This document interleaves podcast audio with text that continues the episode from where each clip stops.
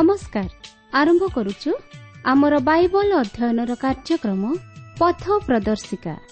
ପବିତ୍ର ବାଇବଲ କହେ ଯଦି ଆମ୍ଭେମାନେ ଆପଣା ଆପଣା ପାପ ସ୍ୱୀକାର କରୁ ତେବେ ସେ ଆମ୍ଭମାନଙ୍କର ପାପ କ୍ଷମା କରିବାକୁ ଓ ସମସ୍ତ ଅଧର୍ମରୁ ଆମ୍ଭମାନଙ୍କୁ ପରିଷ୍କାର କରିବାକୁ ବିଶ୍ୱସ୍ତ ଓ ନ୍ୟାୟବାନ ଅଟନ୍ତି। ଆସନ୍ତୁ ସେହି ଉଦ୍ଧାରକର୍ତ୍ତାଙ୍କର ପରିଚୟ ପାଇବା ନିମନ୍ତେ ଶୁଣିବା ବେତାର କାର୍ଯ୍ୟକ୍ରମ ପଥ ପ୍ରଦର୍ଶିକା।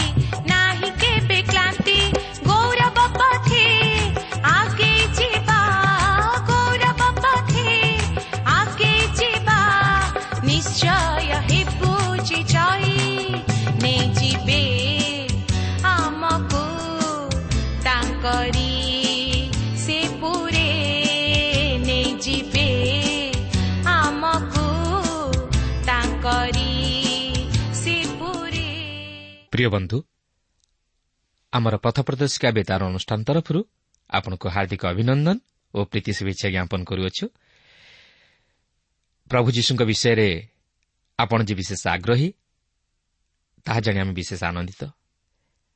ଆପଣଙ୍କର ପ୍ରାର୍ଥନାର ଅନୁରୋଧ ରକ୍ଷା କରି ଆମେ ଆପଣଙ୍କ ନିମନ୍ତେ ପ୍ରାର୍ଥନା କରୁଅଛୁ। ଆଉ ସେହି ପ୍ରଭୁ ଯୀଶୁ ନିଶ୍ଚିତ ଭାବରେ ଆପଣଙ୍କର ସମସ୍ୟା ସମାଧାନ କରିବେ। ଆପଣଙ୍କର ଯଦି କୌଣସି ପ୍ରକାର ପ୍ରଶ୍ନ ଥାଏ ତାହେଲେ ତାହା ଲେଖି ଜଣାଇଲେ।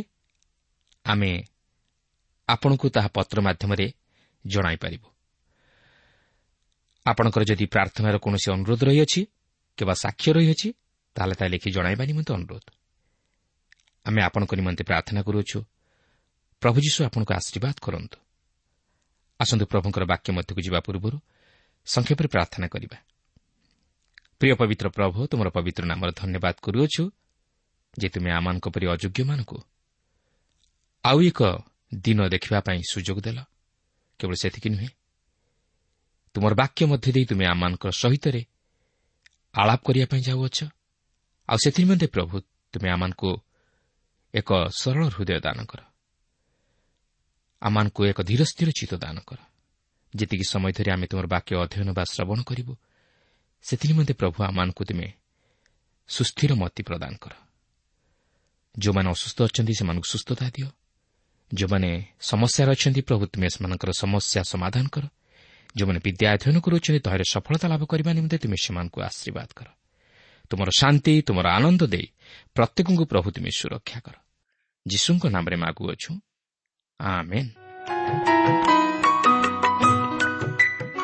ଆଜି ଆମେ ସେହି ପୁରାତନ ନିୟମରୁ ପ୍ରଥମ ବଂଶାବଳୀ ପୁସ୍ତକ ତହିଁର ଦଶ ପର୍ବଟିକୁ ଅଧ୍ୟୟନ କରିବା ପାଇଁ ଯିବା।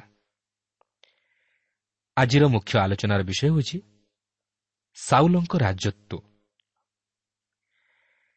ତେବେ ଏଥିପୂର୍ବରୁ ପ୍ରଥମ ବଂଶାବଳୀର ପ୍ରଥମ ନଅଟି ପର୍ବରେ ଆମେ କେବଳ ଇସ୍ରାଏଲ୍ ଜାତିର ବଂଶାବଳୀ ବିଷୟ ନେଇ ଅଧ୍ୟୟନ କରିଥିଲୁ ଓ ଶେଷରେ ଏହି ବଂଶାବଳୀ ସାଉଲ ଓ ତାହାଙ୍କର ପୁତ୍ର ଜୋନାଥନ ମଧ୍ୟ ଦେଇ ସମାପ୍ତ ହୋଇଥିବାର ଲକ୍ଷ୍ୟ କରିଥିଲୁ। ଏହା ମଧ୍ୟ ଏକ କୌତୁହଳର ବିଷୟ ଯେ ବଂଶାବଳୀଟି ସାଉଲ ଓ ତାହାଙ୍କର ପୁତ୍ର ଜୋନାଥନଙ୍କର ପରିବାରକୁ ଶେଷରେ ସ୍ଥାନ ଦେଇଅଛି। କେବଳ ସେତିକି ନୁହେଁ ଏହି ପ୍ରଥମ ବଂଶାବଳୀର ଦଶ ପର୍ବରେ ସାଉଲ ହିଁ କେବଳ ସ୍ଥାନ ପାଇଛନ୍ତି। ତେଣୁକରି ଏଥିରୁ ଜଣାପଡ଼ୁଛି ଯେ ଏହି ଦଶ ପର୍ବରେ କିଛି ଗୁରୁତ୍ୱପୂର୍ଣ୍ଣ ବିଷୟ ନିହିତ ଅଛି।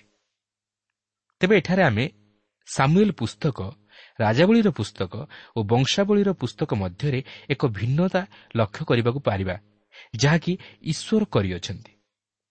ସାମୁଏଲ ପୁସ୍ତକ ଦୁଇଟିରେ ଆମେ ସାଉଲଙ୍କ ବିଷୟରେ ଅଧିକ କିଛି ବିଷୟ ଲକ୍ଷ୍ୟ କରିବାକୁ ପାରୁ।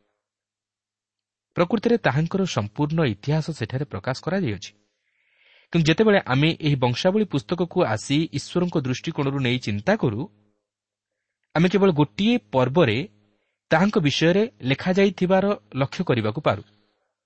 ମାତ୍ର ଅବଶିଷ୍ଟ ବଂଶାବଳୀର ପୁସ୍ତକରେ ଆମେ ଦାଉଦଙ୍କ ବିଷୟରେ ସମସ୍ତ କିଛି ବିଷୟ ଉଲ୍ଲେଖ ହୋଇଥିବାର ଲକ୍ଷ୍ୟ କରିବାକୁ ପାରିବା। ଓ ଏହା ଦ୍ୱିତୀୟ ବଂଶାବଳୀ ପର୍ଯ୍ୟନ୍ତ ମଧ୍ୟ ଯାଇଅଛି ଯେଉଁଠାରେ ଦାଉଦଙ୍କର ପରିବାର ବିଷୟ ନେଇ ପ୍ରକାଶ କରାଯାଇଅଛି। ଦାଉଦ ହେଉଛନ୍ତି ଏହି ବଂଶାବଳୀ ପୁସ୍ତକ ଦୁଇଟିର ବିଷୟବସ୍ତୁ କିନ୍ତୁ ସାଉଲ ନୁହନ୍ତି। ମନୁଷ୍ୟର ଦୃଷ୍ଟିକୋଣରୁ ନେଇ ଦେଖିବାକୁ ଗଲେ ସାଉଲ ଏହି ଜଗତରେ ଅନେକ କିଛି ବିଷୟର ଅଧିକାରୀ ହୋଇଥିଲେ ଓ ଏକ ଶୀର୍ଷ ସ୍ଥାନ ମଧ୍ୟ ଅଧିକାର କରିଥିଲେ। ତେଣୁକରି ଏଠାରେ ଆମେ କେବଳ ଗୋଟିଏ ପର୍ବରେ ତାହାଙ୍କ ବିଷୟରେ ଉଲ୍ଲେଖ ହୋଇଥିବାର ଲକ୍ଷ୍ୟ କରିବାକୁ ପାରୁଅଛୁ। କାରଣ ଈଶ୍ୱରଙ୍କ ଦୃଷ୍ଟିକୋଣରୁ ନେଇ ଦେଖିବାକୁ ଗଲେ ସେ ଶ୍ରେଷ୍ଠତର ସ୍ଥାନ ଅଧିକାର କରିପାରି ନଥିଲେ ତେବେ ବର୍ତ୍ତମାନ ପ୍ରଶ୍ନ ହେଉଛି ଏହି ପ୍ରଥମ ବଂଶାବଳୀ ଦଶ ପର୍ବର ମୁଖ୍ୟ ବିଷୟବସ୍ତୁ କ'ଣ? ପ୍ରଭୁ କ'ଣ ସାଉଲଙ୍କର ମହତ୍ କର୍ମମାନଙ୍କ ମଧ୍ୟରୁ କିଛି ଆଣି ଏଠାରେ ଉପସ୍ଥାପିତ କରିଅଛନ୍ତି? ନୁହେଁ। କାରଣ ମନୁଷ୍ୟର କର୍ମ ମନୁଷ୍ୟକୁ ଈଶ୍ୱରଙ୍କର ନିକଟବର୍ତ୍ତୀ କରାଇପାରେ ନା। ଏହି ପର୍ବଟି ମଧ୍ୟ ସାଉଲଙ୍କର କର୍ମ ବିଷୟ ନେଇ ପ୍ରକାଶ କରେ ନା। ମାତ୍ର ଏହା ତାହାଙ୍କର ମୃତ୍ୟୁ ଓ ସେ କିପରି ହତ ହେଲେ ସେହି ବିଷୟ ନେଇ ପ୍ରକାଶ କରେ। ମୋର ମତରେ ଯେଉଁମାନେ ଏହି ଜଗତରେ ମନୁଷ୍ୟ ଜାତିର ଇତିହାସରେ ମହାନ ସ୍ଥାନ ଅଧିକାର କରିଅଛନ୍ତି ସେମାନେ ଯେ ସ୍ୱର୍ଗରେ ଈଶ୍ୱରଙ୍କ ନିକଟରେ ମହାନ ସ୍ଥାନ ଅଧିକାର କରିବେ ତାହା କହିହେବ ନାହିଁ। କାରଣ ସାଉଲଙ୍କ ଜୀବନରୁ ତହିଁର ସ୍ପଷ୍ଟ ପ୍ରମାଣ ମିଳେ। ଆପଣଙ୍କର ମନେଥିବ ଯେତେବେଳେ ଆମେ ପ୍ରଥମ ଓ ଦ୍ୱିତୀୟ ସାମୁଏଲ ପୁସ୍ତକ ଦୁଇଟିକୁ ଅଧ୍ୟୟନ କରୁଥିଲୁ ସେତେବେଳେ ଆମେ ଜାଣିବାକୁ ଚାହିଁଥିଲୁ ସାଉଲଙ୍କୁ କିଏ ବଧ କଲା? କିଏ ସେହି ବ୍ୟକ୍ତି ଯେ କି ସାଉଲଙ୍କର ମୃତ୍ୟୁ ନିମନ୍ତେ ଦାୟୀ? ନା ସାଉଲ ଆତ୍ମହତ୍ୟା କଲେ? ତେବେ ସେହି ଦୁଇଟି ଯାକ ପୁସ୍ତକରେ ବର୍ଣ୍ଣିତ ହୋଇଥିବା ବିବରଣୀ ଏହିପରି ପ୍ରକାଶ କରେ ଯେ ସାଉଲ ସେହି ପଲେଷ୍ଟିୟମାନଙ୍କ ସହିତ ଯୁଦ୍ଧ କରୁଥିବା ସମୟରେ ମରଣାନ୍ତକ ଆଘାତ ପାଇଥିଲେ। ତାପରେ ସେ ତାଙ୍କର ଖଡ଼ଗଧାରୀ ଯୁବାକୁ କହିଲେ ତାଙ୍କୁ ବଧ କରିବା ପାଇଁ କାରଣ ସେ ପଲେଷ୍ଟିୟମାନଙ୍କ ହସ୍ତରେ ହତ ହୋଇ ନିନ୍ଦା ପାଇବାକୁ ଚାହିଁନଥିଲେ। କିନ୍ତୁ ସେହି ଖଡ଼ଗଧାରୀ ଯୁବା ତାହାଙ୍କୁ ବଧ କରିବା ନିମନ୍ତେ ସମ୍ମତ ହେଲା ନାହିଁ। ତେଣୁ ସାଉଲ ତାହାଙ୍କର ନିଜର ଖଡ଼ଗ ଉପରେ ଆଉଜି ପଡ଼ିଲେ ଆଉ ସେ ମୃତ୍ୟୁବରଣ କଲେ। କିନ୍ତୁ ଏଠାରେ ପ୍ରଶ୍ନ ଆସେ ସାଉଲ ଶାରୀରିକ ଭାବେ ନିଜକୁ ହତ୍ୟା କରିବା ନିମନ୍ତେ କ'ଣ ସକ୍ଷମ ଥିଲେ? ସେ କ'ଣ ଆତ୍ମହତ୍ୟା କଲେ? ତାହା ହିଁ ଏକ ପ୍ରଶ୍ନବାଚୀ। ତାପରେ ଜଣେ ଅମାଲିକୀୟ ଯୁବା ଆସି ଦାଉଦଙ୍କୁ କହିଲା ଯେତେବେଳେ ସେ ସେହି ଘଟଣା ଘଟିଥିବା ସ୍ଥାନକୁ ଆସିଲା ଆଉ ଦେଖେ ତ ସାଉଲ ତଥାପି ବଞ୍ଚି ଅଛନ୍ତି ଓ ସାଉଲ ତାହାକୁ କହୁଛନ୍ତି ତାହାଙ୍କୁ ବଧ କରିବା ପାଇଁ। ସେହି ଅମାଲିକୀୟ ଯୁବା ଦାବି କରି କହିଲା ଯେ ସେ ରାଜା ସାଉଲଙ୍କୁ ବଧ କରିଅଛି ଏବଂ ସେ ସେହି ବିଷୟକୁ ପ୍ରମାଣିତ କରିବା ନିମନ୍ତେ ସାଉଲଙ୍କ ମସ୍ତକର ମୁକୁଟ ଓ ବାହୁର ବାଜୁ ଆଣି ରାଜା ଦାଉଦଙ୍କୁ ଦେଲା। ମାତ୍ର ଦାଉଦ ତାହା ଜାଣିଲା ପରେ ଅତ୍ୟନ୍ତ ବିଳାପ ରୋଦନ କଲେ ଓ ସେହି ଯୁବାକୁ କହିଲେ ତୁମେ ଯେ ସଦାପ୍ରଭୁଙ୍କ ଅଭିଷିକ୍ତଙ୍କୁ ନାଶ କରିବା ପାଇଁ ଆପଣ ହସ୍ତ ବଢ଼ାଇବାକୁ ଭୟ ନ କଲ ଏ କେମନ୍ତ? ତୁମ ରକ୍ତ ତୁମ ମସ୍ତକରେ ବର୍ତ୍ତୁ କାରଣ ତୁମ୍ଭରି ମୁଖ ତୁମ୍ଭ ବିରୁଦ୍ଧରେ ସାକ୍ଷ୍ୟ ଦେଇ କହିଅଛି ମୁଁ ସଦାପ୍ରଭୁଙ୍କ ଅଭିଷିକ୍ତଙ୍କୁ ବଧ କରିଅଛି। ଯାହାକି ଆପଣ ଦ୍ୱିତୀୟ ସାମୁଏଲ ପୁସ୍ତକର ପ୍ରଥମ ପର୍ବରେ ଉଲ୍ଲେଖ ହୋଇଥିବାର ଲକ୍ଷ୍ୟ କରିବାକୁ ପାରିବେ। ତାହେଲେ ବର୍ତ୍ତମାନ କୁହନ୍ତୁ ସାଉଲଙ୍କର ମୃତ୍ୟୁ ପାଇଁ ଦାୟୀ କିଏ? ଆପଣ ବୋଧେ ଭାବୁଥିବେ ଯେ ସେହି ଅମାଲିକୀୟ ଯୁବା ହିଁ ଦାୟୀ। ମାତ୍ର ତାହା ମଧ୍ୟ ପ୍ରକୃତରେ ସତ ନୁହେଁ। କାରଣ ଆମେ ଏହି ପ୍ରଥମ ବଂଶାବଳୀ ଦଶ ପର୍ବରେ ଜଣଙ୍କର ସ୍ୱୀକାରୋକ୍ତିକୁ ଦେଖିବାକୁ ପାରିବା ଯେ କି ସାଉଲଙ୍କର ମୃତ୍ୟୁ ନିମନ୍ତେ ଦାୟୀ। ତେବେ ଦେଖନ୍ତୁ ପ୍ରଥମ ବଂଶାବଳୀ ଦଶ ପର୍ବର ପ୍ରଥମ ତିନି ପଦରେ ଏହିପରି ଲେଖା ଅଛି ଏଥିମଧ୍ୟରେ ପଲେଷ୍ଟିୟମାନେ ଇସ୍ରାଏଲ୍ ବିରୁଦ୍ଧରେ ଯୁଦ୍ଧ କଲେ। ପୁଣି ଇସ୍ରାଏଲ୍ ଲୋକମାନେ ପଲେଷ୍ଟିୟମାନଙ୍କ ସମ୍ମୁଖରୁ ପଳାଇ ଗିଲ୍ବୟ ପର୍ବତରେ ହତ ହୋଇ ପଡ଼ିଲେ। ଆଉ ପଲେଷ୍ଟିୟମାନେ ସାଉଲ ଓ ତାଙ୍କ ପୁତ୍ରମାନଙ୍କ ପଛେ ପଛେ ଲାଗି ଗୋଡ଼ାଇଲେ। ଓ ପଲେଷ୍ଟିୟମାନେ ସାଉଲଙ୍କର ପୁତ୍ର ଜୋନାଥନକୁ ଓ ଅବିନାଦବକୁ ଓ ମଲ୍କି ସୁୟକୁ ବଦ୍ଧ କଲେ। ଏହି ରୂପେ ସାଉଲଙ୍କ ସଙ୍ଗେ ଭାରି ଯୁଦ୍ଧ ହେଲା ଓ ଧନୁର୍ଦ୍ଧରମାନେ ତାଙ୍କୁ ଧରିଲେ। ଆଉ ଧନୁର୍ଦ୍ଧନମାନଙ୍କ ସକାଶୁ ସେ ତ୍ରାସଯୁକ୍ତ ହେଲେ। ଏଥିରୁ ଜଣାଯାଏ ଯେ ସେ ପଲେଷ୍ଟିୟମାନଙ୍କ ଦ୍ୱାରା କ୍ଷତାକ୍ତ ହୋଇଥିଲେ ମାତ୍ର ସେ ସେହି କ୍ଷତାକ୍ତ ଅବସ୍ଥାରେ ମରିନଥିଲେ। ଏହାପରେ ଦଶ ପର୍ବର ଚାରିପଦରୁ ସାତ ପଦ ମଧ୍ୟରେ ଏହିପରି ଲେଖା ଅଛି। ତହିଁରେ ସାଉଲ ଆପଣା ଅସ୍ତ୍ର ବାହକକୁ କହିଲେ ତୁମ୍ଭ ଖଡ଼ଗ ବାହାର କରି ତହିଁରେ ମୋତେ ଭୁସି ପକାଅ। କେଜାଣି ଏହି ଅସୁନତମାନେ ଆସି ମୋତେ କୌତୁକ କରିବେ। ମାତ୍ର ତାଙ୍କର ଅସ୍ତ୍ରବାହକ ଅତିଶୟ ଭୀତ ହେବାରୁ ସମ୍ମତ ହେଲା ନାହିଁ। ଏହେତୁ ସାଉଲ ଖଡ଼ଗ ନେଇ ଆପେ ତହିଁ ଉପରେ ପଡ଼ିଲେ। ତହିଁରେ ସାଉଲ ମରିଅଛନ୍ତି। ଏହା ଦେଖି ତାଙ୍କର ଅସ୍ତ୍ରବାହକ ସେହିପରି ଆପଣା ଖଡ଼ଗ ଉପରେ ପଡ଼ିମଲା। ଏ ରୂପେ ସାଉଲ ଓ ତାଙ୍କର ତିନି ପୁତ୍ର ଓ ତାଙ୍କର ସମସ୍ତ ପରିଜନ ଏକାସଙ୍ଗେ ମଲେ। ଏଉତାରେ ଇସ୍ରାଏଲ୍ ଲୋକମାନେ ପଳାଇଲେ ଆଉ ସାଉଲ ଓ ତାଙ୍କର ପୁତ୍ରମାନେ ମଲେ। ଏହା ଦେଖି ତଳଭୂମିସ୍ଥ ସମସ୍ତ ଇସ୍ରାଏଲ୍ ଲୋକ ଆପଣମାନଙ୍କ ନଗର ସବୁ ପରିତ୍ୟାଗ କରି ପଳାଇଲେ। ତମ ପଲେଷ୍ଟିୟମାନେ ଆସି ତହିଁ ମଧ୍ୟରେ ବାସ କଲେ। ଏହି ବିବରଣୀରୁ ଯାହା ଜଣାଯାଏ ଯେତେବେଳେ ସେହି ଅମାଲିକୀୟ ଯୁବା ସାଉଲଙ୍କ ନିକଟକୁ ଆସିଥିଲା ସାଉଲ ରାଜା ସେତେବେଳକୁ ମରିଯାଇଥିଲେ। କିନ୍ତୁ ସେହି ଅମାଲିକୀୟ ଯୁବା ଦାଉଦ ଓ ସାଉଲଙ୍କ ମଧ୍ୟରେ ରହିଥିବା ଶତ୍ରୁତାକୁ ଜାଣିଥିଲା। ତେଣୁ ସେ ସାଉଲଙ୍କୁ ବଦ୍ଧ କରିବାର ଗୌରବ ନେବା ପାଇଁ ଦାଉଦଙ୍କ ନିକଟକୁ ଯାଇଥିଲା। କିନ୍ତୁ ସେ ମନେ ମନେ ଏହି ଆଶା ପୋଷଣ କରିଥିଲା ଯେ ସାଉଲଙ୍କ ବଦ୍ଧ ହେବାର ସମ୍ବାଦ ଦାଉଦ ତାଙ୍କଠାରୁ ଶୁଣିବା ମାତ୍ରକେ ଦାଉଦ ତାହାଙ୍କୁ ସମ୍ମାନରେ ବିଭୂଷିତ କରିବା ସଙ୍ଗେ ସଙ୍ଗେ ତାହାଙ୍କୁ ମଧ୍ୟ କିଛି ପୁରସ୍କାର ଦେବେ। କିନ୍ତୁ ସେ ଭାବିନଥିଲା ଯେ ଦାଉଦଙ୍କ ମନରେ ଏପରି ପ୍ରତିକ୍ରିୟା ଜାତ ହେବ ଓ ସେ ତାହାଙ୍କୁ ଏପରି ବଧ କରିବେ। ଦାଉଦ ତାହାଠାରୁ ପ୍ରାପ୍ତ ସମ୍ବାଦ ଅନୁଯାୟୀ ତାହାକୁ ମଧ୍ୟ ବଧ କଲେ। ଦାଉଦ କହିଲେ ଯେ ସେ ତାହାର ନିଜ ମୁଖରେ ନିଜକୁ ଦୋଷାରୋପ କରିଅଛି କିନ୍ତୁ ସେ ଯାହା ହେଉନା କାହିଁକି ସେହି ଯୁବକ ଯେ ମିଥ୍ୟା କହିଥିଲା ତାହା ଏଇଠାରେ ପ୍ରକାଶିତ ହୁଏ ଓ ସେ ପ୍ରକୃତରେ ରାଜାଙ୍କୁ ବଧ କରିନଥିଲା। ତେବେ ଦେଖନ୍ତୁ ଦଶ ପର୍ବର ଆଠରୁ ଦଶ ପଦରେ ଏହିପରି ଲେଖା ଅଛି ଅନନ୍ତର ପରଦିବସ ପଲେଷ୍ଟିୟମାନେ ହତ ଲୋକମାନଙ୍କ ଶଯ୍ୟାଦି ଫିଟାଇ ନେବା ପାଇଁ ଆସନ୍ତେ ସେମାନେ ସାଉଲଙ୍କୁ ଓ ତାଙ୍କର ପୁତ୍ରମାନଙ୍କୁ ଗିଲ୍ବୟ ପର୍ବତରେ ପଡ଼ିଥିବାର ଦେଖିଲେ। ତୁ ସେମାନେ ତାଙ୍କର ଶଯ୍ୟା ଫିଟାଇ ତାଙ୍କର ମସ୍ତକ ଓ ଶଯ୍ୟା ନେଇ ଆପଣମାନଙ୍କ ଦେବପ୍ରତିମା ଗଣର ଗୃହକୁ ଓ ଲୋକମାନଙ୍କ ନିକଟକୁ ସମ୍ବାଦ ଦେବା ପାଇଁ ପଲେଷ୍ଟିୟମାନଙ୍କ ଦେଶର ଚାରିଆଡ଼େ ପଠାଇଲେ। ପୁଣି ସେମାନେ ତାଙ୍କର ଶଯ୍ୟା ଆପଣମାନଙ୍କ ଦେବ ମନ୍ଦିରରେ ରଖିଲେ ଓ ତାଙ୍କର ମସ୍ତକକୁ ଦାଗୋନ୍ ମନ୍ଦିରରେ ଟାଙ୍ଗିଦେଲେ। ଦେଖନ୍ତୁ ବାସ୍ତବରେ ସେହି ପଲେଷ୍ଟିୟମାନେ ସାଉଲଙ୍କର ମର ଶରୀର ପ୍ରତି ଏହି ଭୟଙ୍କର ଅସମ୍ମାନ ପ୍ରଦର୍ଶନ କରାଇଲେ। ସେହି ଦାଗୋନ୍ର ମନ୍ଦିର ଅସ୍ଦୋଦରେ ଥିଲା। ଆପଣଙ୍କର ମନେ ଥିବ ଯେ ଯେତେବେଳେ ସେହି ପଲେଷ୍ଟିୟମାନେ ସାମସନଙ୍କ ସହିତ ସେହିଠାରେ କୌତୁକ କଲେ ସେତେବେଳେ ସେ ସେହି ଦାଗୋନ୍ ମନ୍ଦିରର ସ୍ତମ୍ଭକୁ ଟାଣି ଭାଙ୍ଗି ଦେଇଥିଲା। ଫଳରେ ସେହି ମନ୍ଦିର ଭୁଷୁଡ଼ି ପଡ଼ିଲା ଓ ସାମସନଙ୍କ ସହିତ ଅନେକ ପଲେଷ୍ଟିୟମାନେ ମଲେ। କିନ୍ତୁ ବର୍ତ୍ତମାନ ସେହି ସ୍ଥାନରେ ସେମାନେ ସାଉଲଙ୍କ ମସ୍ତକକୁ ଆଣି ଟାଙ୍ଗିଦେଲେ ଓ ତାଙ୍କର ଶଯ୍ୟାକୁ ଆଣି ଆପଣମାନଙ୍କ ଦେବ ମନ୍ଦିରରେ ରଖିଲେ। ଏହାପରେ ଦଶ ପର୍ବର ଏଗାର ଓ ବାର ପଦରେ ଏହିପରି ଲେଖା ଅଛି ଏଉତାରେ ଜାବେସ୍ ଗିଲିୟଦୀୟ ସମସ୍ତେ ସାଉଲଙ୍କ ପ୍ରତି ପଲିଷ୍ଠୀୟମାନଙ୍କ କୃତ ସକଳ କର୍ମର ସମ୍ବାଦ ପାଆନ୍ତେ। ସମସ୍ତ ବିକ୍ରମଶାଳୀ ଲୋକ ଉଠି ସାଉଲଙ୍କର ଶରୀର ଓ ତାଙ୍କର ପୁତ୍ରମାନଙ୍କ ଶରୀର ଜାବେସ୍କୁ ନେଇ ଆସିଲେ। ଓ ଜାବେସସ୍ଥ ଅଲୋନ୍ ବୃକ୍ଷମୂଳେ ସେମାନଙ୍କର ଅସ୍ଥି ପୋତି ସାତ ଦିନ ଉପବାସ କଲେ। କିନ୍ତୁ ଏତିକିରେ କ'ଣ ଘଟଣା ଶେଷ ହୋଇଗଲା? ନୁହେଁ। କାରଣ ଆମେ ତଥାପି ଏପର୍ଯ୍ୟନ୍ତ ଜାଣିନାହୁଁ ପ୍ରକୃତରେ ସାଉଲଙ୍କୁ କିଏ ବଧ କଲା। କିନ୍ତୁ ଏହି ଦଶ ପର୍ବର ଶେଷାଂଶରେ ଆମେ ସେହି ସ୍ୱୀକାରୋକ୍ତିକୁ ଶୁଣିବାକୁ ପାରିବା ଯେ ସାଉଲଙ୍କର ହତ୍ୟାକାରୀ କିଏ? ଦଶ ପର୍ବର ତେର ଓ ଚଉଦ ପଦରେ ଏହିପରି ଲେଖା ଅଛି ଏହି ରୂପେ ସାଉଲ ସଦାପ୍ରଭୁଙ୍କ ବିରୁଦ୍ଧରେ କୃତ ଆପଣା ସତ୍ୟ ଲଙ୍ଘନ ହେତୁରୁ ମଲେ କାରଣ ସେ ସଦାପ୍ରଭୁଙ୍କ ଆଜ୍ଞା ପାଳନ କଲେ ନାହିଁ।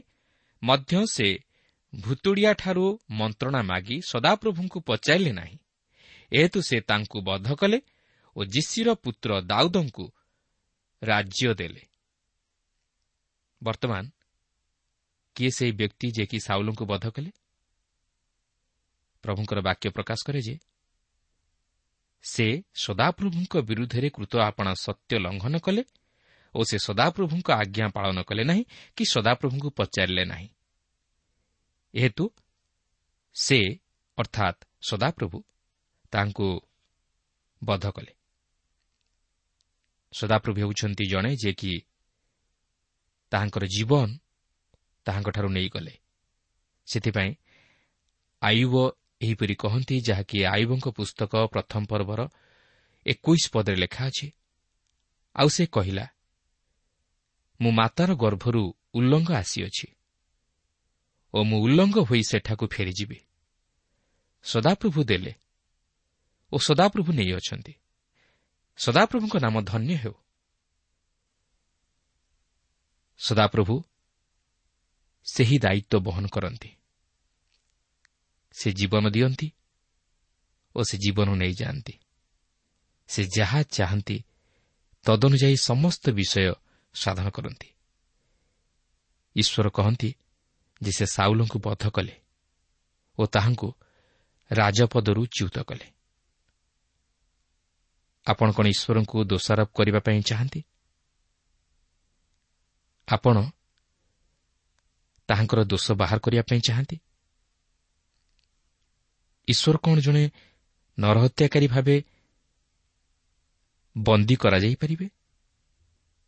ପ୍ରିୟ ବନ୍ଧୁ ଈଶ୍ୱର ଅନେକ ଲୋକଙ୍କୁ ଏହିପରି ଭାବେ ଏହି ଜଗତରୁ ନେଇଯାଇଅଛନ୍ତି ତେଣୁକରି ସେହି କାରଣରୁ ଈଶ୍ୱର ଆପଣଙ୍କୁ ଓ ମୋତେ କହନ୍ତି ଆମେ ଯେପରି ମନୁଷ୍ୟର ଜୀବନକୁ ନ ନେଉ ସଦାପ୍ରଭୁ ଦିଅନ୍ତି ଓ ସଦାପ୍ରଭୁ ନିଅନ୍ତି।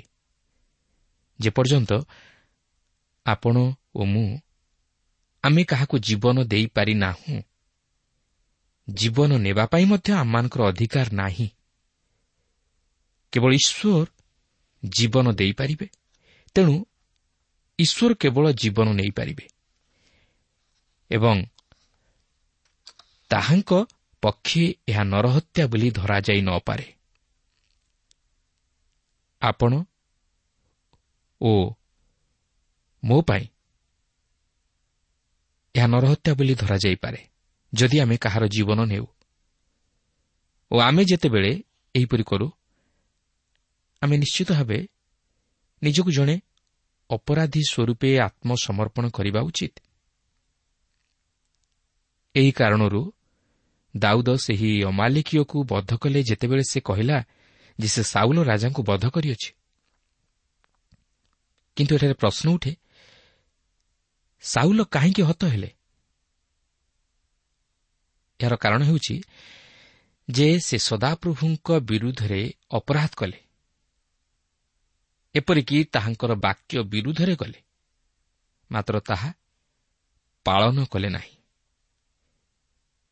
କେବଳ ସେତିକି ନୁହେଁ ମଧ୍ୟ ସେ ଭୁତୁଡ଼ିଆଠାରୁ ମନ୍ତ୍ରଣା ମାଗି ସଦାପ୍ରଭୁଙ୍କୁ ପଚାରିଲେ ନାହିଁ। ଅର୍ଥାତ୍ ସାଉଲ ରାଜା ସଦାପ୍ରଭୁଙ୍କଠାରୁ ବିମୁଖ ହୋଇ ଶୟତାନଠାରୁ ମନ୍ତ୍ରଣା ନେଇ କାର୍ଯ୍ୟ କଲେ। ତେଣୁକରି ଏହିସବୁ କାରଣରୁ ଈଶ୍ୱର ତାହାଙ୍କଠାରୁ ତାହାଙ୍କର ଜୀବନ ନେଇଗଲେ। ଏପରିକି ନୂତନ ନିୟମରେ ଆମେ ପ୍ରେରିତ ପୁସ୍ତକରେ ଦେଖୁ ଈଶ୍ୱର ହନାନୀୟ ଓ ସଫିରାଠାରୁ ମଧ୍ୟ ସେମାନଙ୍କର ଜୀବନ ନେଇଗଲେ। ତେବେ ଅନେକ ଲୋକ ଏଥି ନିମନ୍ତେ ପିତରଙ୍କୁ ବାହା ବାହା କରନ୍ତି ବା ତାହାଙ୍କୁ ଦୋଷାରୋପ କରନ୍ତି। କିନ୍ତୁ ମୁଁ ଭାବୁଛି ପିତର ମଧ୍ୟ ସେଦିନ ସେଠାରେ ଏହି ଘଟଣା ଦେଖି ଆଶ୍ଚର୍ଯ୍ୟ ହୋଇଯାଇଥିବେ। କାରଣ ଏପରି ଘଟିବ ବୋଲି ସେ କେବେ ହେଲେ ଭାବିନଥିବେ। ପ୍ରକୃତରେ ପିତର ନୁହନ୍ତି ମାତ୍ର ଈଶ୍ୱର ହେଉଛନ୍ତି ଜଣେ ଯେ କି ସେମାନଙ୍କର ମୃତ୍ୟୁ ନିମନ୍ତେ ଦାୟୀ ଏବଂ ସାଉଲ ନିଜର ଅପରାଧ ନିମନ୍ତେ ମୃତ୍ୟୁଭୋଗ କଲେ। କାରଣ ଅନେକ ସମୟରେ ଏହି କାରଣରୁ ଈଶ୍ୱର ମନୁଷ୍ୟ ଜୀବନରେ ହସ୍ତକ୍ଷେପ କରନ୍ତି ଓ ତାହାଠାରୁ ତାହାର ଜୀବନ ନେଇଯାଆନ୍ତି। ସେ ଚାହିଁଲେ ମନୁଷ୍ୟକୁ ତାହାଙ୍କର ସେବାରୁ ବାହାର କରିଦେଇପାରନ୍ତି। ସେ ତାହାକୁ ଏକ କାର୍ଯ୍ୟାଳୟ ମଧ୍ୟରୁ ବାହାର କରିଦେଇପାରନ୍ତି ସେ ତାହାକୁ ଉନ୍ନତ କରାଇପାରନ୍ତି ବା ତାହାର ଅବନତି ଘଟାଇପାରନ୍ତି ତେଣୁ ସେ ଏହିପରି ଭାବରେ ମନୁଷ୍ୟ ଉପରେ ତାହାଙ୍କର ଅଧିକାରକୁ ସାବ୍ୟସ୍ତ କରାନ୍ତି। ତାଙ୍କର ଇଚ୍ଛା ବିହୁନେ ମନୁଷ୍ୟ ଜୀବନରେ କିଛି ଘଟି ନପାରେ କି ମନୁଷ୍ୟ କିଛି କରିନପାରେ ସେ ଆଜି ମଧ୍ୟ ତାଙ୍କର ସୃଷ୍ଟିକୁ ନିୟନ୍ତ୍ରଣ କରନ୍ତି ଓ ଏହା ତାହାଙ୍କର ସୃଷ୍ଟି ହୋଇଥିବାରୁ ସେ ତାହାଙ୍କର ନିଜ ଇଚ୍ଛା ଅନୁଯାୟୀ ନିୟନ୍ତ୍ରଣ କରନ୍ତି। ସେ କାହାର ପରାମର୍ଶ ଲୋଡ଼ନ୍ତି ନାହିଁ କି କାହାର ପରାମର୍ଶ ଲୋଡ଼ି ସେ କାର୍ଯ୍ୟ କରନ୍ତି ନାହିଁ। ଏହା ତାହାଙ୍କର କାର୍ଯ୍ୟ କିନ୍ତୁ ଆପଣଙ୍କର ବା ମୋହର ନୁହେଁ। ସେ ଆମମାନଙ୍କ ନିକଟରେ ଉତ୍ତରଦାୟୀ ନୁହନ୍ତି କିନ୍ତୁ ଆମ୍ଭେମାନେ ତାହାଙ୍କ ନିକଟରେ ଉତ୍ତରଦାୟୀ। ସେ ଆମମାନଙ୍କୁ କୌଣସି ବିଷୟ ପଚାରିକି କରନ୍ତି ନାହିଁ। କିନ୍ତୁ ଆମ୍ଭେମାନେ ତାହାଙ୍କର ଇଚ୍ଛା ଲୋଡ଼ି ସମସ୍ତ ବିଷୟ କରିବା ଉଚିତ। ସେ ଆମମାନଙ୍କର ଇଚ୍ଛାରେ ପରିଚାଳିତ ହୁଅନ୍ତି ନାହିଁ। କିନ୍ତୁ ଆମ୍ଭେମାନେ ତାହାଙ୍କର ଇଚ୍ଛା ଅନୁଯାୟୀ ପରିଚାଳିତ ହେବା ଉଚିତ। କାରଣ ସେ ସମସ୍ତ ସାଧନ କରନ୍ତି ଓ ସମସ୍ତ ନିଷ୍ପତ୍ତି ଗ୍ରହଣ କରନ୍ତି ଓ ତାହାଙ୍କର ନିଷ୍ପତ୍ତି ବା ସିଦ୍ଧାନ୍ତ ବା ସଂକଳ୍ପ ସତ୍ୟ ଓ ନ୍ୟାୟସଙ୍ଗତ ତଥା ଯଥାର୍ଥ। ସେ ବିଚାରରେ କାହା ପ୍ରତି ଅନ୍ୟାୟ କରନ୍ତି ନାହିଁ କି କାହା ପ୍ରତି ମୁଖାପେକ୍ଷା କରନ୍ତି ନାହିଁ। କାରଣ ସେ ନ୍ୟାୟ ବିଚାରକର୍ତ୍ତା ଆଉ ତାହାଙ୍କଠାରେ ମିଥ୍ୟା ନାହିଁ। ସେ ସତ୍ୟ ଓ ଧର୍ମରେ ବିଚାର କରନ୍ତି। ଆମେ ମନୁଷ୍ୟ ହିସାବରେ ଅନେକ ଭୁଲ କରିପାରୁ ମିଥ୍ୟା କହିପାରୁ ଅନ୍ୟାୟ କରିପାରୁ ମନୁଷ୍ୟର ମୁଖାପେକ୍ଷା କରିପାରୁ। ମାତ୍ର ସେ ତାହା କରନ୍ତି ନାହିଁ। କାରଣ ସେ ପବିତ୍ର ଈଶ୍ୱର। ତାହାଙ୍କ ପାଖରେ ଅପବିତ୍ରତା ସ୍ଥାନ ପାଏ ନାହିଁ। ତେଣୁ ଆସୁ ମନୁଷ୍ୟ ପ୍ରତି ଦୃଷ୍ଟି ନ କରି ଶୟତାନିକ ଶକ୍ତିର ଆଶ୍ରୟ ନ ନେଇ ବା ଶୟତାନର ମନ୍ତ୍ରଣା ନ ନେଇ ଈଶ୍ୱରଙ୍କ ପ୍ରତି ଦୃଷ୍ଟି କରୁ ଓ ତାହାଙ୍କ ଉପରେ ବିଶ୍ୱାସ ତଥା ଭରସା ସ୍ଥାପନ କରି ତାହାଙ୍କର ବାକ୍ୟ ଅନୁଯାୟୀ ଜୀବନଯାପନ କରିବା ନିମନ୍ତେ ଚେଷ୍ଟା କରୁ। କାରଣ ତାହାଙ୍କର ବାକ୍ୟ ଚିରସ୍ଥାୟୀ। ତାହାଙ୍କର ସିଦ୍ଧାନ୍ତ ଅଟଳ ଓ ତାହାଙ୍କର ବିଚାର ଯଥାର୍ଥ ଓ ନ୍ୟାୟସଙ୍ଗତ। ତେଣୁ ନିଜର ଇଚ୍ଛା ଅନୁଯାୟୀ କାର୍ଯ୍ୟ ନ କରି ଈଶ୍ୱରଙ୍କ ଇଚ୍ଛାର ବଶୀଭୂତ ହେବା ପାଇଁ ଚେଷ୍ଟା କରୁ। କାରଣ ତାହା କଲେ ଆମେ ଈଶ୍ୱରଙ୍କର ସନ୍ତୋଷ ପାତ୍ର ହୋଇପାରିବା ଓ ତାହାଙ୍କର ମହତ ଅଭିମତ ଆମମାନଙ୍କର ଜୀବନ ଦେଇ ସଫଳ ହୋଇପାରିବ ଓ ଆମ୍ଭେମାନେ ଏହି ଜଗତରେ ବିଜୟୀ ଜୀବନ ଯାପନ କରିବା ନିମନ୍ତେ ସମର୍ଥ ହୋଇପାରିବା। ଈଶ୍ୱରଙ୍କ ଆଶୀର୍ବାଦର ଅଧିକାରୀ ହୋଇ ଜୀବନରେ କୃତକାର୍ଯ୍ୟ ହୋଇପାରିବା। ପ୍ରିୟ ବନ୍ଧୁ ଈଶ୍ୱର ହେଉଛନ୍ତି ଆମମାନଙ୍କର ଜୀବନର ନିୟନ୍ତ୍ରଣକର୍ତ୍ତା। ତାହାଙ୍କର ଇଚ୍ଛା ବିହୁନେ କୌଣସି ବିଷୟ ହୋଇ ନପାରେ ତାହାଙ୍କର ଇଚ୍ଛା ବିହୁନେ ଆମମାନେ ନିଜର ପରବର୍ତ୍ତୀ ପଦକ୍ଷେପକୁ ମଧ୍ୟ ପକାଇ ନପାରୁ ତାହାଙ୍କର ଇଚ୍ଛା ବିହୁନେ ଆମମାନଙ୍କର କୌଣସି କାର୍ଯ୍ୟ ସାଧିତ ହୋଇନପାରେ ତାହେଲେ ଆମେ କାହା ଉପରେ ନିର୍ଭର କରିବା ଉଚିତ? ଈଶ୍ୱରଙ୍କ ଉପରେ ନା ନିଜର ଶକ୍ତି ଉପରେ? ନା ଶୈତାନିକ ଶକ୍ତି ଉପରେ? ହଁ ଶୈତାନର ଶକ୍ତି ଅଛି। କିନ୍ତୁ ଈଶ୍ୱରଙ୍କର ଶକ୍ତି ସବୁଠାରୁ ମହାନ। ଈଶ୍ୱରଙ୍କର ଶକ୍ତି ହେଉଛି। ରକ୍ଷାକାରୀ ଶକ୍ତି। ମାତ୍ର ଶୈତାନର ଶକ୍ତି ହେଉଛି। ବିନାଶକାରୀ ଶକ୍ତି। ଧ୍ୱଂସକାରୀ ଶକ୍ତି। କିନ୍ତୁ ଈଶ୍ୱରଙ୍କର ଶକ୍ତି ଆମ୍ଭମାନଙ୍କୁ ଧ୍ୱଂସ ମୁଖରୁ ରକ୍ଷା କରେ। ବିନାଶରୁ ରକ୍ଷା କରେ। ଶୟତାନର କାର୍ଯ୍ୟ ହେଉଛି କେବଳ ବଦ୍ଧ ଓ ବିନାଶ କରିବା। ମାତ୍ର ଈଶ୍ୱରଙ୍କର କାର୍ଯ୍ୟ ହେଉଛି ଉଦ୍ଧାର କରିବା ରକ୍ଷା କରିବା। ପ୍ରିୟ ବନ୍ଧୁ ଈଶ୍ୱର ଯେତେବେଳେ ଆମମାନଙ୍କର ସୃଷ୍ଟିକର୍ତ୍ତା ଆଜି ଆମମାନେ ଈଶ୍ୱରଙ୍କ ଉପରେ ନିର୍ଭର କରିବା ଉଚିତ। ଈଶ୍ୱରଙ୍କଠାରେ ବିଶ୍ୱାସ କରିବା ଉଚିତ। ଆଉ ସେଥିପାଇଁ ଆମମାନେ ଈଶ୍ୱରଙ୍କର ଉଦ୍ଧାରର ଯୋଜନା ଉପରେ ମଧ୍ୟ ବିଶ୍ୱାସ କରିବା ଉଚିତ। ଆଉ ଈଶ୍ୱରଙ୍କର ଉଦ୍ଧାରର ଯୋଜନା କ'ଣ? ଲେଖା ଅଛି କାରଣ ଈଶ୍ୱର ଜଗତକୁ ଏମନ୍ତ ପ୍ରେମ କଲେ ଯେ ସେ ଆପଣାର ଅଦ୍ୱିତୀୟ ପୁତ୍ରଙ୍କୁ ଦାନ କଲେ। ଯେପରି ଯେ କେହି ତାଙ୍କଠାରେ ବିଶ୍ୱାସ କରେ ସେ ବିନଷ୍ଟ ନ ହୋଇ ଅନନ୍ତ ଜୀବନ ପ୍ରାପ୍ତ ହୁଏ। ଆଜି ସେହି ପ୍ରଭୁ ଆମମାନଙ୍କୁ ଅନନ୍ତ ଜୀବନ ଦେବା ପାଇଁ ପ୍ରସ୍ତୁତ। ସେ ଆଜି ଅପେକ୍ଷା କରି ବସିଅଛନ୍ତି। ମାତ୍ର ସେ ଚାହାନ୍ତି ଯେପରି ଆମମାନେ ତାହାଙ୍କ ନିକଟକୁ ଫେରିଆସୁ ତାହାଙ୍କ ଉପରେ ନିର୍ଭର କରୁ ତାହାଙ୍କଠାରେ ବିଶ୍ୱାସ କରୁ ଆଉ ତାହାଙ୍କୁ ରାଜା ରୂପେ ଗ୍ରହଣ କରୁ। ତାହେଲେ ସେ ଆମମାନଙ୍କୁ ମହିମାନିତ କରାଇବେ। ସେ ଆମମାନଙ୍କୁ ସୁରକ୍ଷା ଦେବେ। ସେ ଆମମାନଙ୍କର ସମସ୍ତ ଭାର ନେବେ। ସେ ଆମମାନଙ୍କ ବିନାଶରୁ ଆମମାନଙ୍କର ଜୀବନକୁ ରକ୍ଷା କରିବେ। ପ୍ରଭୁ ଆମ ପ୍ରତ୍ୟେକଙ୍କୁ ଏହି ସଂକ୍ଷିପ୍ତ ଆଲୋଚନା ମଧ୍ୟ ଦେଇ ଆଶୀର୍ବାଦ କରନ୍ତୁ।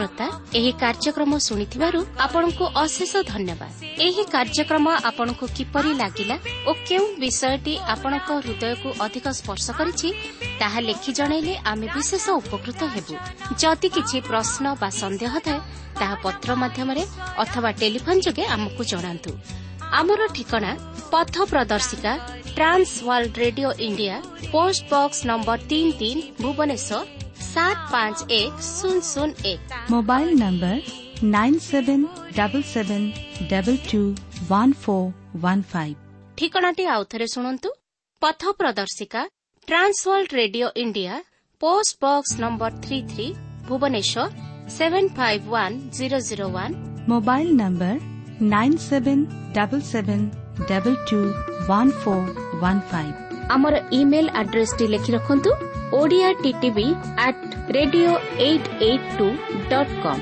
ତେବେ ଆଜି ପାଇଁ ଏଠାରେ ରଖୁଛୁ। ନମସ୍କାର।